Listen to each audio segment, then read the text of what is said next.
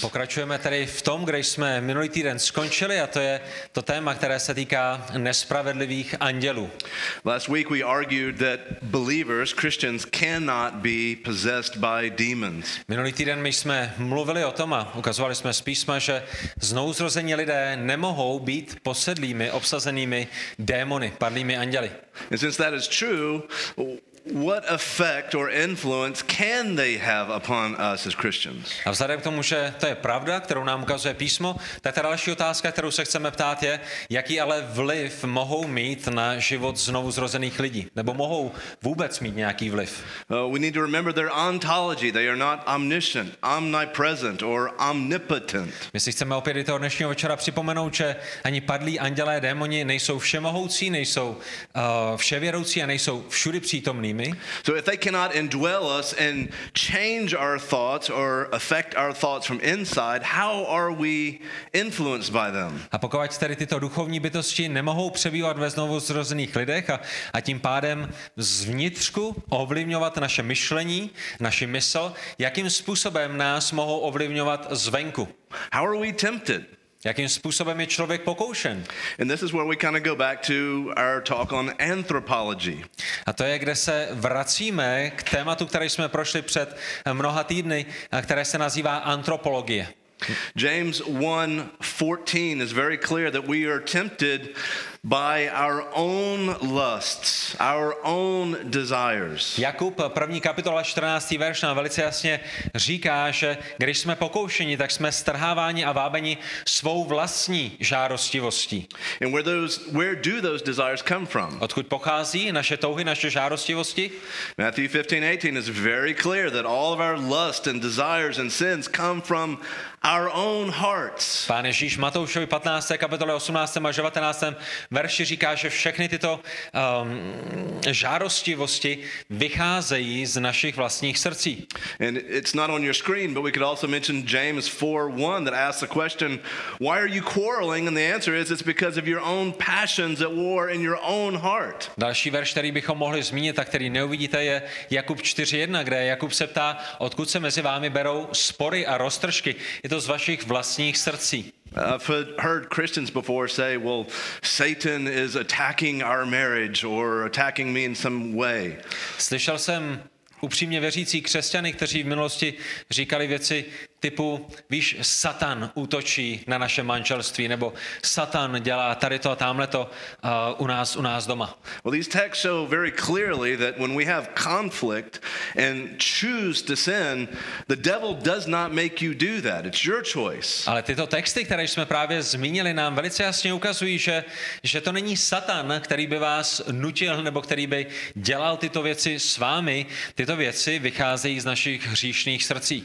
But can demons influence the external to create an environment that would make it more likely to be tempted? Yes, absolutely. Mohou ale démoni, padlí andělé, ovlivnit eh, to venkovní prostředí, ve kterém žijeme k tomu, nebo tím způsobem, aby pro nás bylo jednodušší zhřešit, abychom byli více pokoušení? A ta odpověď je ano, ano, to mohou dělat, mohou ovlivňovat to naše okolí, proto abychom byli ještě více pokoušení. Uh, Satan can influence unbelievers and, and through the culture an environment where there is more temptation. Satan může ovlivnit eh, nevěřící lidi, může ovlivňovat nevěřící kulturu, proto aby byl dán na křesťany větší tlak, aby křesťané byli více pokoušeni. And that pressure can lead to, to fear, anxiety, anger. A takový tlak potom může u lidí eh, vést k tomu, že mají úzkost, že mají deprese, eh, nebo že na tyto těžkosti reagují hněvem, který vychází ale z jejich vlastního srdce. So let's look at an example from 2 Corinthians 2, verses 10 through 11. Jeden příklad by byl druhý list Korinským, druhá kapitola, 10. až 11. verš, kde čteme, komu vy něco odpouštíte, odpouštím i já. Neboť já cokoliv jsem odpustil, měl-li jsem co odpustit, učinil jsem to pro vás před tváří Kristovou, abychom nebyli oklamáni od satana, vždyť jeho úmysly nám nejsou neznámy. Okay, what, according to this text, is part of Satan's design for sin to flourish? A to, co vidíme z tohoto textu, jedna z věcí, kterou vidíme, je, že eh, satanovým plánem, touhou je, aby, aby se hřích rozmáhal. You notice in the text, three times the word forgiveness is used. Všimněte si v těchto dvou verších, že je tam třikrát použito slovo odpouštět. And so when we do not forgive one another, this is a part of Satan's design for sin to flourish. A tak, když neodpouštíme jeden druhému, když si neodpouštíme navzájem, tak to je součástí satanova plánu pro to, aby se hřích rozhojňoval. Uh, a few more examples. Další příklady? You can notice 1 Corinthians 7 5 on your screen that involves uh, the sacredness of marriage. Všimněte si v prvním listu Korinským 7. kapitole 5. verši, tento text mluví o, o té s- svatosti manželství, o tom jedinečném manželském svazku, který je mezi mužem a ženou. And when husbands and wives deprive one another, that again allows for the flourishing of sin through temptation. A když manžel se odepírá manželce nebo manželka se odepírá manželovi, tak to, co nám ten text říká, je, dává to prostor satanovi pro to, aby člověk byl pokoušen. Ephesians 4:26 anger is another way that sin can flourish when you allow anger to build and do not forgive. Efeským 4.26 mluví o tom, že uh, hněv je dalším prostředkem, kde, kde se rozmáhá, nebo skrze který se rozmáhá hřích a když neodpouštíme a dusíme to v sobě a, a, a vede nás to k, k nahněvání, tak to vede k rozhoňování hříchu. Because you notice the text, Ephesians 4:26, this gives an opportunity for the devil. A všimněte si v tom našem textu, že uh, to dává také prostor satanovi. And also James 4 verses 6 and 7 the issues of pride and lack of submission is an opportunity for the devil. Jakub, čtvrtá kapitola, 6. až 7. verš, pícha anebo neschopnost se podřídit svým autoritám, to také potom přináší příležitost pro satana. Now, what as we look at these texts, what does it mean that Satan is doing these things to believers? Uh, co Satan tedy dělá skrze tyhle ty věci věřícím? Does this mean that Satan is running around to all of our bedrooms and all of our kitchens to uh, tempt each one of us? Znamená to, že Satan je zaneprázdněn tím, že běhá od domu k domu, od ložnice k ložnice, od kuchyně ke kuchyni a, a, a je zaneprázdněn tím, aby nás tímto způsobem ovlivňoval? Well, remember, Satan is not omnipresent. He cannot do that all at the same time. Satan, jeho anděle, démoni, padlí anděle nejsou všude přítomnými, takže uh, nemůže být všude přítomný. So I think the sense of the use of Satan here is a kind of a, a personification of our own lust and desires that Satan uses for the fomentation of sin. A tak si myslím, že když se zde píše o satanovi, že je to spíš taková forma personifikace, skrze kterou vidíme, že satan si používá tyto skutečnosti, tyto věci k tomu, aby, aby lidé hřešili. And notice again from James 4 6 through 7 how do we resist the devil? Všimněte si v Jakubovi 4, 6 až 7, jakým způsobem a, se, se vzpíráme nebo, nebo bojujeme proti satanovi. Pursue humility, A usilujte o pokoru. forgive one another, Odpouštějte jeden druhému. be patient with one another, Buďte trpělivými jeden s druhým. draw near to God. A buďte, buďte blízko Boha, utíkejte k Bohu. We could even add, think the thoughts that God wants you to think, and because those thoughts are what leads to action. Přemýšlejte ve své mysli eh, o věcech, eh, o kterých přemýšlí Bůh. Mějte, mějte boží mysl, protože když máme boží mysl a přemýšlíme, jako přemýšlí Bůh, potom budeme jednat, jako jedná hospodin. So let's look at two test cases, Peter and Paul, to see how this external pressure can lead to sin or difficulty. A tak se pojďme podívat na dva příklady, které nám ukáží, jakým způsobem ten vnější tlak může působit na lidi. So, first from Luke 22 31, you'll remember the words of Jesus to Simon that Satan demanded you that he might sift you like wheat. And this is shortly after when Peter denied Christ. Pamatujete si na to, co pán Ježíš řekl Petrovi krátce po tom, co Petr Ježíše zapřel v Lukášovi 22, 31 až 34. Šimone, Šimone, hle, Satan si vás vyžádal, aby vás vytříbil jako pšenici. How did Satan do this? It was through the external pressure of fear, the fear of imprisonment, the fear of death. Jak to Satan udělal? Udělal to skrze ten vnější tlak, eh, který, který je tlakem obavy eh, o to, že budu ve vězení, eh, obava o to, že přijdu o život, to je to prostředí, které vytvořil.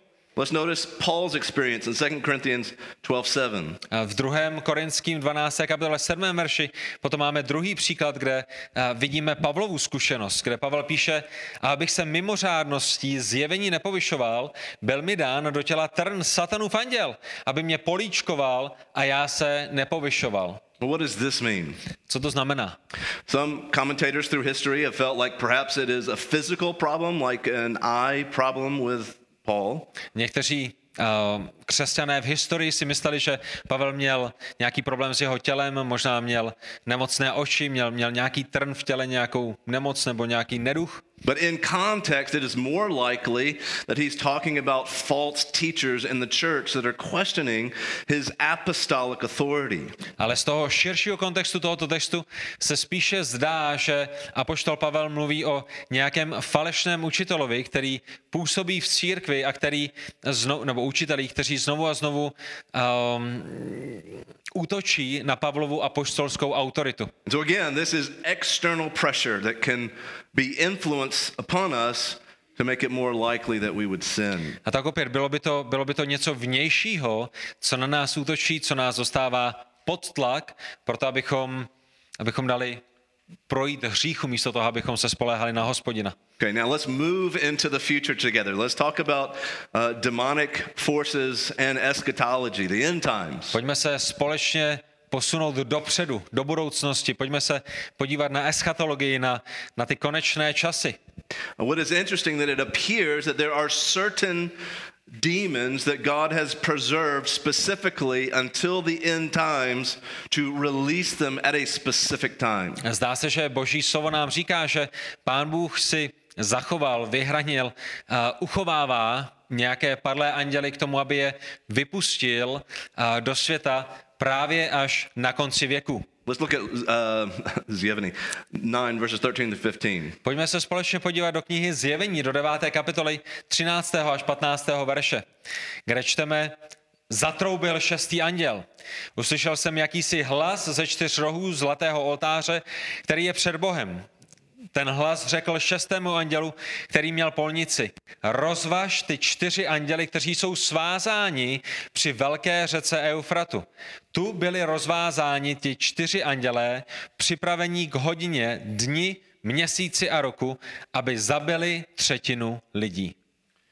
What's also interesting is that there are some angels that while not being preserved for that time, had lived among men, and because of sin, have been taken to the abyss, never to come out again. To, co je také zajímavé, je, že i když na jedné straně máme anděly, kteří jsou zachováváni k tomu, že budou vypuštěni v ten finální čas uh, na konci věku, tak na druhé straně jsou také andělé, kteří zřešili a kteří byli uh, uvězněni až do doby jejich soudu. We see that in 2 Peter chapter 2 verse 4 and Jude 1 verses 6 through 7. O těchto andělích se píše v 2. Petrově 2:4 a u Judy 1:6 až 7. And you can see in these words that these are angels that sinned, that exceeded their bounds, and so God has confined them to gloomy darkness never to come out. Toto jsou ti andělé, kteří opustili vlastní příbytek, kteří překročili hranice, které jim byly dány a proto je Bůh již spoutal a uvrhl je do temných jeskyň Tartaru, tak jak se o tom píše v 2. Petrově. And you might be thinking, well, who are these angels and what did they do to deserve being imprisoned this way in the abyss? A možná si říkáte, kdo byli tito anděle a co udělali tak, co bylo tak hrozného, co udělali, že si zasloužili, že již nyní jsou Bohem uvězněni a střeženi k, k věčnému soudu. Well, we'll talk about that in a few minutes. To bude jedna z těch otázek, o kterých budeme mluvit ke konci dnešní biblické. Another interesting part of demons is that uh, we as Christians will be a part of judging them. Další zvláštností, kterou nám písmo ukazuje, je, že znovu zrození lidé budou mít nějaký podíl na soudu padlých andělů. 1 Corinthians 6:3. 1. Korinským 6.3 nevíte, že budeme soudit anděly, oč spíše záležitosti tohoto života. Will angels suffer et- or demonic angels suffer eternal punishment?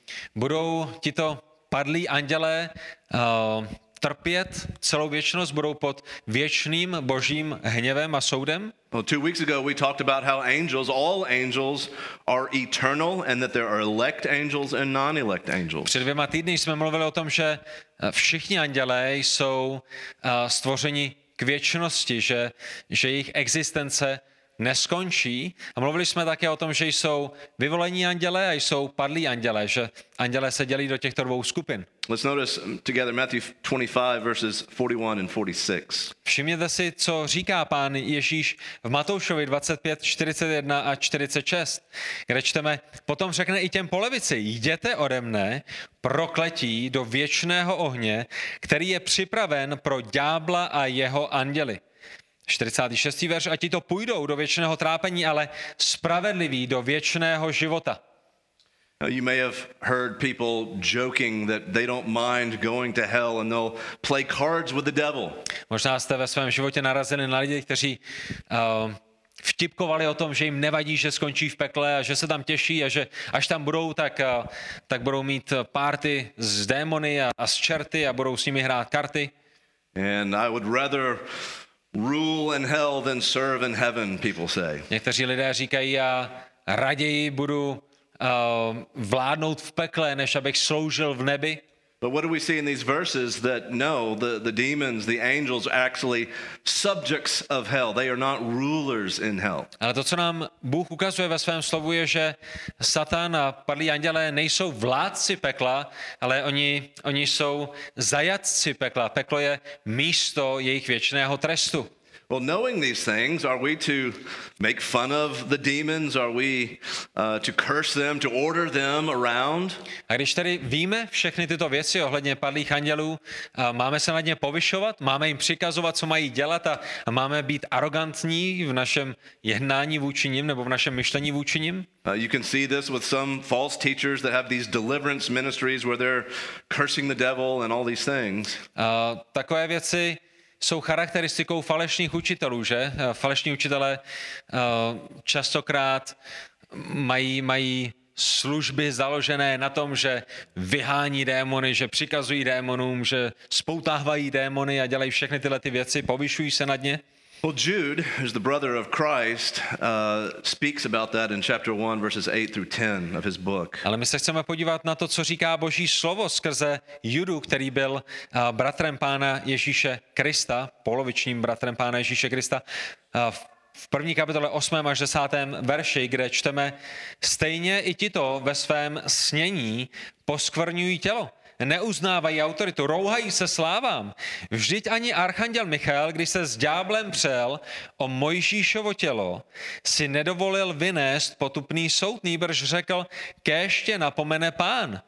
Tito se však rouhají věcem, tito lidé se však rouhají věcem, které neznají a v těch, které jako nerozumná zvířata přirozeně znají, propadají z houbě.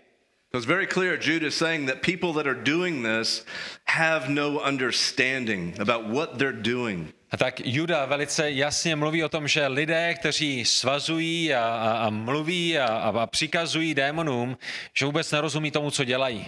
Because if Michael, the archangel, one of the archangels, is not willing to do that and shows respect to Satan, then who are we to do less? A ten argument, který zde Juda prezentuje, je, pokud ani archanděl, jeden z archandělů, Michael, a, si nedovolí tímto způsobem jednat se satanem, a, o, o co méně bychom si to měli dovolit my jako, jako lidé. Now, we've got to a part in our outline where we're talk about specific or special issues with angelology. A tak tím končíme tuto předposlední oblast eh, angelologie a pojďme se nyní vrhnout do té úplně závěrečné části, která se vypořádává s některými velice zajímavými zvláštními otázkami. The first question is Who is the angel of the Lord in the Old Testament? Ta první otázka, která by vás možná mohla napadnout, nebo s kterou jste se setkali, je, kdo je hospodinův anděl. Když ve starém zákoně čtete hospodinův anděl, kdo to je, o koho se jedná? He appears many times in the Old Testament, so the question is Is the angel of the Lord a created angel or someone else? A tak vzhledem k tomu, že na něj ve starém zákoně narazíte mnohokrát, několikrát, tak jedna z otázek, kterou se chceme ptát, je, jestli hospodinův anděl je stvořeným andělem, anebo, nebo je to popis někoho jiného. The first passage I want to show you from Genesis 16, verses 13 or 11 and 13, is that the angel of the Lord is identified with Yahweh and Elohim. A tak a ta první věc, kterou bych vám chtěl ukázat, tak jak odpovídáme tady na tu otázku, je z Genesis 16. kapitoly 11. až 13. verš, kde vidíme, že hospodinův anděl je identifikován s Jahvem a s Elohim, což je, což je hospodin, což je Bůh. My čteme v Genesis 16, 11, 13. Dále jí hospodinův anděl řekl, hlej, si těhotná a porodíš syna, dáš mu jméno Izmael, protože hospodin naslouchal tvému soužení. A ve 13. verši čteme, že Hagar dala hospodinu, který k ní promluvil jméno.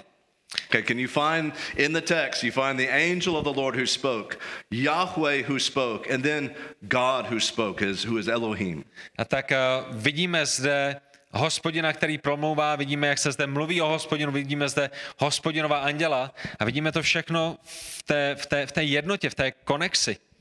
And we can see the same thing in Exodus chapter 3 in the context of the bush uh, that was burning, or the bush that was on fire but not burning. Je to hospodinův anděl, který promlouvá, ale potom nám písmo říká, že to byl sám hospodin, který promluvil. A to stejné vidíme například i v Exodu ve třetí kapitole druhém a čtvrtém verši uh, v, tom, v tom historickém záznamu, kdy Mojžíš je u ohnivého keře. So in verse 2, you see the angel of the Lord, and verse 4, when the Lord Yahweh saw God, who is Elohim, called out. Again, the three titles together. Ve druhém eh, verši vidíme, že se Mojžíšovi ukázal hospodinův anděl, ale ve čtvrtém verši vidíme, že je to hospodin, který viděl, že uh, Mojžíš odbočil, aby se podíval a zvolal na něho Bůh zprostřed keře, to znamená, opět v tom hebrejském textu byste měli Jahve a Elohim dány dohromady společně s hospodinovým andělem a vidíme, že je to všechno jedna osoba, je to všechno jedno bytí. What is also interesting about the angel of the Lord is that the angel is in distinction from the Father God. What is in distinction? Uh, separate, distinct from. A to další, co vidíme, co je zvláštní a zajímavé, je, že když tady přijde na tohoto hospodinova anděla, a který je jednotný z Jahve a s Elohim, tak také ale vidíme, že je jiným, odlišným než Bůh Otec. So notice Exodus chapter 23 verses 20 and 21. A tak, a když se podíváte spolu se mnou do Exodu 23, 20 až 21, where it is the Father who is saying, Behold, I send an angel before you. And then the end of verse 21 says, My name is in him. Si všimněte, že Bůh promlouvá a říká, já pošlu svého anděla před tebou a mé jméno bude v něm. Okay, so hopefully, as you're thinking critically, you're thinking uh, in Trinitarian terms here. Something is happening between the persons of the Trinity. A tak já doufám, že přemýšlíte kriticky o těchto textech a že, že si uvědomujete, že v těchto textech vidíme něco, co se týká Boží trojice. The next part of the angel of the Lord is that he receives worship. Další důležitou věcí o tomto hospodinově andělu je, že je to anděl, který přijímá lidské uctívání, nechává lidi, aby ho uctívali. Notice Judges chapter 13 verses 20 through 22 in the context of the parents of Samson. Uh, soudců 13, 20 až 22 uh, v kontextu uh, Samsonových rodičů.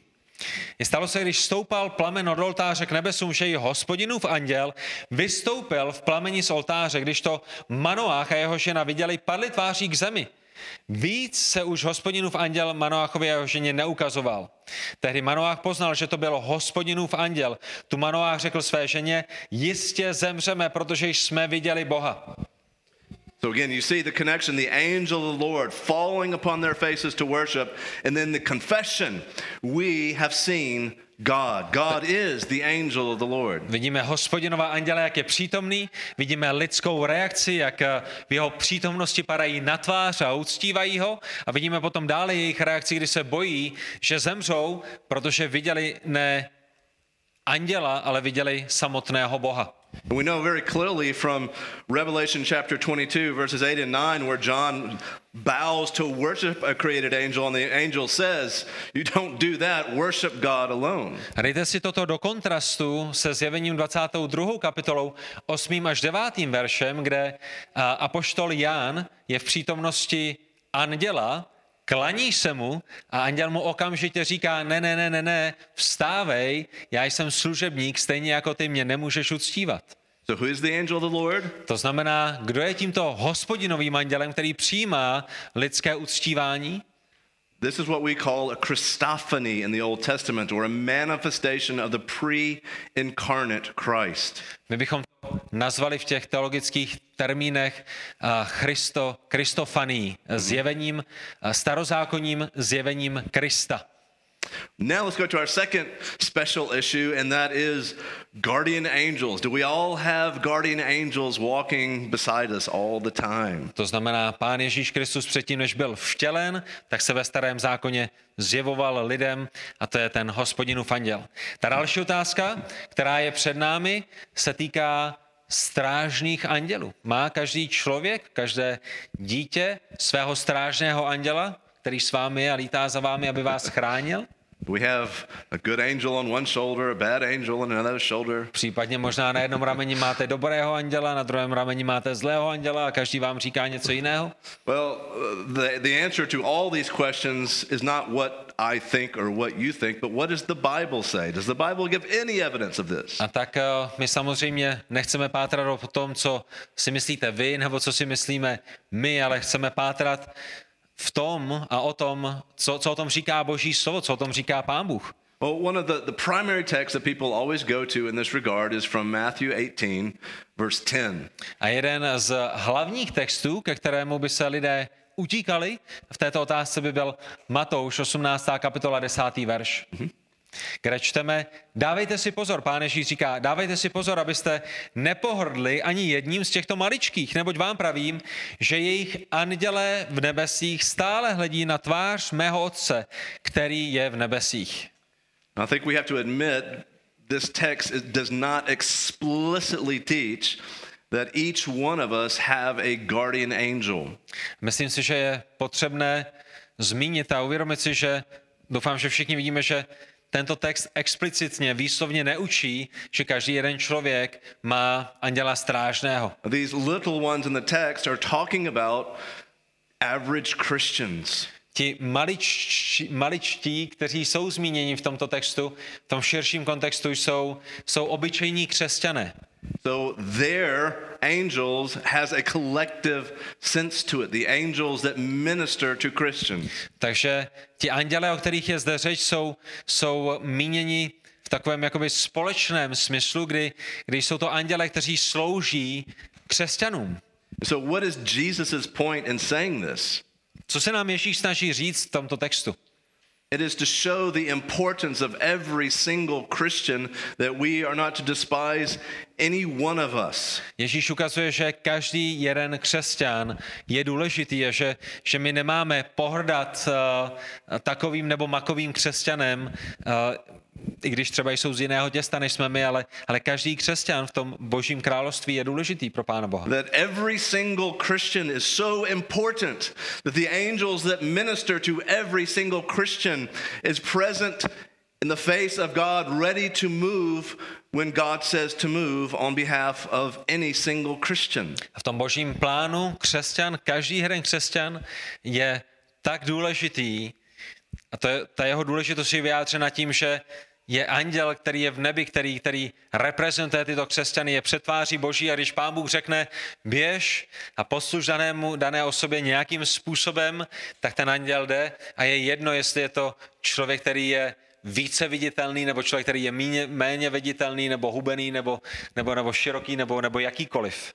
And so, yes, every individual Christian is important because of the work on the angels of the angels on their behalf. A tak každý z nich je jedinečný, důležitý a to vidíme, že uh, v tom, že každý jeden z nich je reprezentován tímto andělem. Well, another passage that could possibly be used for that is Luke 16 22, that talks about the angel of Lazarus that took him to the bosom of Abraham, which is a picture of heaven. Další pasáž, která by mohla být použitá k tomu, kdyby někdo chtěl argumentovat tím, že lidé mají strážné anděly, je Lukáš 16. kapitola 22. verš, kde, kde čteme o tom, že uh, Lazar byl přenesen andělem do, uh, do Abrahamovy přítomnosti po jeho smrti. So, this is evidence that after one's death, it looks likely that an angel will carry us to be immediately in the presence of heaven, but that is not explicit evidence that every single one of us has a guardian angel. Tak zdá se, že tento text učí o tom, že po naší smrti budeme převedeni, transportováni, doprovázeni eh, andělem do boží přítomnosti, ale ani tento text neučí o tom, že každý jeden z nás má eh, strážného anděla, který by s námi neustále byl. So, brothers and sisters, what's the answer? Jaká je tedy, otáz, eh, jaká je tedy odpověď na, tu, na tuto otázku? There's not enough clear evidence to say. Nemáme dostatek eh, jasných důkazů z písma, eh, které, které by nám dali jasnou odpověď. Sometimes God does not answer to all of our questions, and that's in His prerogative, that's His choice. Pán Bůh nám někdy nedává všechny odpovědi na všechny naše otázky a to je jeho, jeho, uh, to je jeho uh, volba. And so, someone has once said, where the Bible speaks, we speak, and where the Bible is silent, we are silent. Jednou někdy někdo řekl, když písmo mluví, my mluvíme také, když písmo mlčí, my potřebujeme také mlčet. But we will find out one day. Ale jednoho dne na to určitě dostaneme odpověď. Now, let's go to our next uh, uh, theme, and that is talking a little bit more about Satan. Pojďme se posunout k dalšímu tématu, které se týká trochu více satana. And there are many descriptions of names for him throughout the scripture. Kdybyste šli do písma, tak byste uviděli, že Satan je označován nejrůznějšími jmény. And they give us good uh, evidence as to what his character is. He is an accuser, he is a liar, he is a deceiver. A skrze jeho jména dostáváme přehled o tom, jaký je skutečně jeho charakter. On je ten, který obvinuje, on je ten, který podvádí, on je, on je ten, který lže. Okay, so here's a good trivia question. When did Satan fall? When did he first sin? A tady je dobrá otázka do nějakého biblického kvízu, kdybyste ho chtěli dělat se svými dětmi. Kdy Satan zhřešil, kdy, kdy Satan padl? Well, when we think about creation week, we have evidence that at the end of the seventh day, everything God created in the heavens and the earth, visible and invisible, was not only good, but very good. Když se podíváme do Genesis, tak vidíme, že na konci týdne, ve kterém Pán Bůh tvořil svět, tak eh, Bůh po svém stvoření deklaruje a říká nejenom, že všechno, co stvořil, je dobré, ale že všechno, co stvořil, je velmi dobré, velice dobré. And so we can assume that if there's a fall in heaven of Satan and third of the angels, God would not be saying all of this is very good. A tak uh, bychom si řekli, že pokud Satan zřešil a padl a strhl sebou třetinu nebeských zástupů, třetinu andělů, někdy v průběhu toho týdne stvoření, tak bychom předpokládali, že pán Bůh by neoznačil celý ten týden, že je dobrý a že všechno, co udělal, je, je velice dobré, kdyby se tam někde odehrála spoura andělská, satanova proti Bohu a, a strhl sebou třetinu andělů. But then obviously obviously we understand that Satan had fallen prior to Genesis 3, where he comes and tempts Adam and Eve. Ale na druhé straně rozumíme tomu, že Satan musel padnout někde před tím, než se dostaneme do Genesis 3. kapitoly, protože v Genesis 3. kapitole přichází už jako padlý anděl, aby pokoušel Evu. What did Satan do to fall? What was his sin? Co byl Satanův hřích, co udělal, co, co, co vedlo k jeho pádu? We get evidence of that in Isaiah chapter 14, verses 12 through 14. V Izajášovi 14. kapitole 12. a 14. verši se rozvídáme následu- následující. Jak jsi spadl z nebes, třpitivá hvězdo, synu úsvitu, byl jsi odseknut k zemi ty, který jsi porážel národy?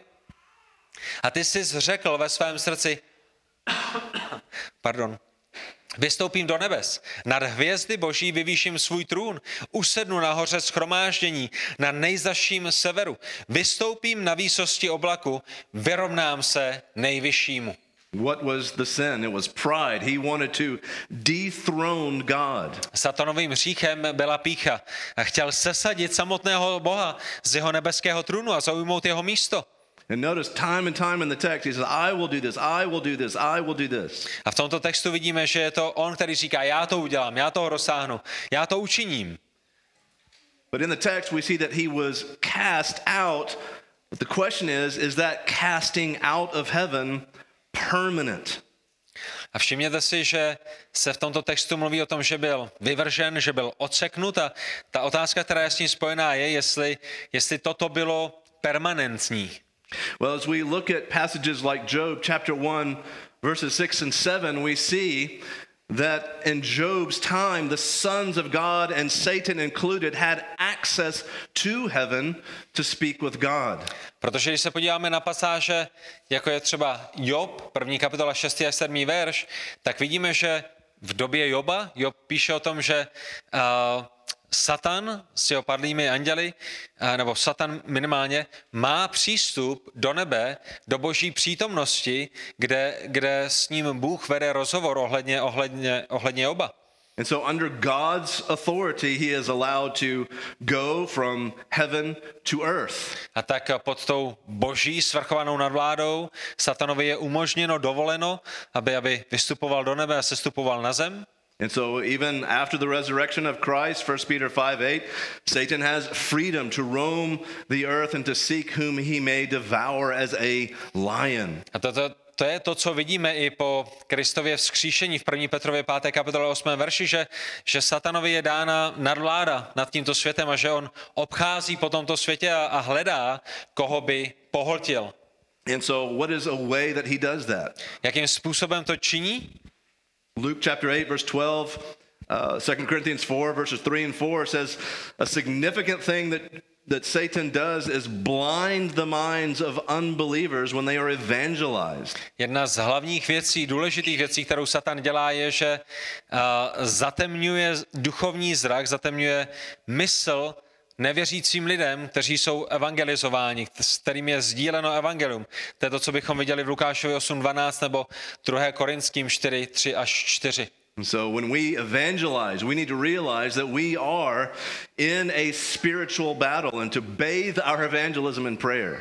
A tak když sdílíme evangelium s lidmi, kteří jsou kolem nás, tak si potřebujeme připomínat a uvědomovat si, že jsme zapojeni v duchovní bitvě a potřebujeme ty naše evangelizační pokusy uh, zahalit modlitbami nebo, nebo odjít do modliteb, tak aby Pán Bůh dal, že ty semínka evangelia, které zaséváme, že jim hospodin dá vzrůst a nebudou, nebudou vytržena satanem. Another significant activity of Satan is that he is accusing the saints before God's throne. Jedna další hlavní věc, kterou Satan dělá, je, že před božím trůnem v nebesích Satan obvinuje uh, křesťany, znovu zrozené lidi, kteří patří Bohu. We saw that clearly with Job, where Job, uh, uh, where Satan is telling God, Job doesn't serve you because uh, of, well, he serves you basically because he has a nice life. And also we see in Zechariah 3:1, where Satan is accusing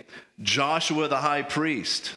A my vidíme uh, v Jobovi, že, že Satan přichází před hospodina a obvinuje Joba, že říká, hele, Job tě má rád jenom kvůli tomu, že mu dáváš hezký život, ale jakmile od něj hezký život odejmeš, tak on tě začne proklínat. A to stejné vidíme v Zachariášovi 3. kapitole, prvním verši, kde, kde Satan stál po jeho pravici, aby ho obžaloval. To je to, co Satan dělá, obžalovává uh, znovu zrozené. And also, we'll just look at verse 10 of Revelation 12, where the text says that the accuser of our brother has been thrown down, who accuses them day and night before God. Všimněte si, že na základě zjevení 12. kapitoly 10. verše Satan je žalobcem našich bratří, který je obvinuje před naším Bohem dnem i nocí, neustále. And you might be thinking, well, why does he do that? Is, does he think that we're going to lose our salvation? No, he knows that's not possible. A vy si možná říkáte, proč to Satan dělá, což pak neví, že křesťané, znovuzrození křesťané jsou zajištěni v Kristu a, a nepřijdou o své spasení? Ne, ne Satan tohle to ví, tak proč to, proč to dělá? Brothers and sisters, this is where angelology becomes very practical for us. A tady je jeden z těch momentů, kdy angelologie se stává velice praktickou pro každého jednoho z nás. We know from Ephesians chapter 4 that our sin grieves God. My víme na základě písma, že náš hřích způsobuje zármutek Pánu Bohu. Ephesians 4. Efeským 4. We also know from Psalm 78 verse 40 that that the sin of Israel uh, grieved or crushed or burdened God. Žalm 78, 40. verš mluví o tom, že uh, hřích izraelského národa uh, způsoboval hospodinu bolest. Well, think about this, brothers and sisters, that the sin that you commit, the sin that I commit, is being thrown in the face of God day and night to grieve him. A tak přemýšlejte o svých hříších tímto způsobem. Vaše a moje hříchy jsou satanem, který nás obvinuje dnem a nocí před božím trůnem, házeny do boží tváře proto, aby, aby, aby způsobili, jestli to tak můžeme vyjádřit, Pánu Bohu bolest. That also shows us that the sins that we commit are not private, they are publicized in heaven. Ta druhá věc, kterou to znamená, je, že žádný z našich hříchů, i ten nejvíce utajený, není skutečně utajený, protože je vyhlašován v nebesích satanem před božím trůnem. What is the end story for Satan? Jaký ale bude konec satana? Well, we know from Revelation chapter 12, verses 7 through 10, that his time where he is able to enter heaven will soon end during the tribulation period. My víme ze zjevení 20. kapitoly 1. až 3. verše, že ten jeho čas působení, jeho čas nadvlády uh, se chýlí ke konci. Uh, let's read that together to see this war in heaven. Pojďme se podívat do zjevení 20. kapitoly 1. až 3. verše, kde vidíme tuto nebeskou bitvu. Uh, 12 verses 7 through 10. Pardon, 20. kapitola 7. až 8. verš. Až se těch tisíc let dovrší, Uh, uh, 12, so chapter 12, verses 7 through 10. pardon, jsem napřed. Musíme se vrátit zpět. Zjevení 12, 7 až 10. A v nebi nastala válka. Michal a jeho andělé museli bojovat s drakem. Draky jeho andělé bojovali, ale neobstáli a už pro ně nebylo místo v nebi. A byl svržen veliký drak, ten dávný had, nazývaný ďábel a satán, který svádí celý obydlený svět, byl svržen na zem a jeho andělé byli svrženi s ním. A uslyšel jsem mocný hlas v nebi, který říkal, nyní přišla záchrana, moc a králování našeho Boha a pravomoc jeho Krista, neboť byl svržen žalobce našich bratří, který je obvinoval před naším Bohem dnem i nocí. And when this happens, the text says that Satan knows his time is short, and so he unleashes hell on earth during the end of the tribulation. A když toto nastane, tak eh, my čteme, že Satan ví, že jeho čas se nachýlil, že jeho konec se přiblížil a proto opravdu rozpoutá peklo na zemi. And in Revelation 20, we see at the end of the tribulation that Satan is bound for a thousand years during Christ's reign on the earth. Ve zjevení 20. kapitole potom vidíme, že a, na těch tisíc let, co Pán Ježíš Kristus bude vládnout na této zemi, tak po těch tisíc let Satan je spoután.